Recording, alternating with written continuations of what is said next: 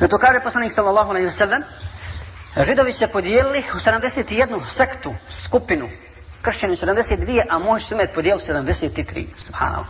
Više sekti i više skupina, pored jasnjaki ide, pored Kur'ana i sunneta koji nisu skriveni, koji nisu skriveni, 73 sekte. Sve će u džehennem, samo će jedna u džennetu. Pa su pitali, a koja to je Rasulullah, koja? Rekao je, ma ena alaihi u ashabi. Ona koja će biti na onome na čemu sam ja i moji, i moji ashabi. To je, braćo i sestre, osnovni temelj kojim se uvijek moramo vraćati posebno u vremenu fitni u kojem mi živimo. U vremenu u kojem se pokazali, u kojem se pojavili ljudi, odnosno ukazali putevi na kojima stoje ljudi koji su poput šeitana, koji pozivaju u nešto što je suprotno Kur'anu i sunnetu. Sjetimo se hadisa Huzayfa radijallahu ta'ala, kada kaže, svi su ljudi pitali poslanik sa selem o dobru, a ja sam ga pitao o zlu. Bojiš se da me ne stigne? Pa sam rekao, ja Rasulallah, bili smo u džahilijetu, bili smo u zlu. Pa je došao Islam, Allah je objavio Kur'an.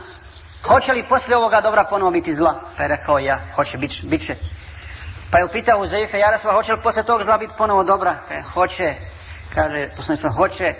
Olakin fihi dahan, ali će u njemu biti dima, bit će tu dima, magle, bit će tu nejasnoća, bit će tu fitni poput, poput slojeva magle, odnosno poput slojeva noći i tmine. A ka šta znači to ja Rasulova, šta je taj dim? To su ljudi koji će pozivati u nešto drugo mimo moje upute, njihova obliča, njihovi likovi su ljudski, a njihova srca su šeitanska srca. Njihova srca su šeitanska srca, sačuva nas Allah od toga i od tako.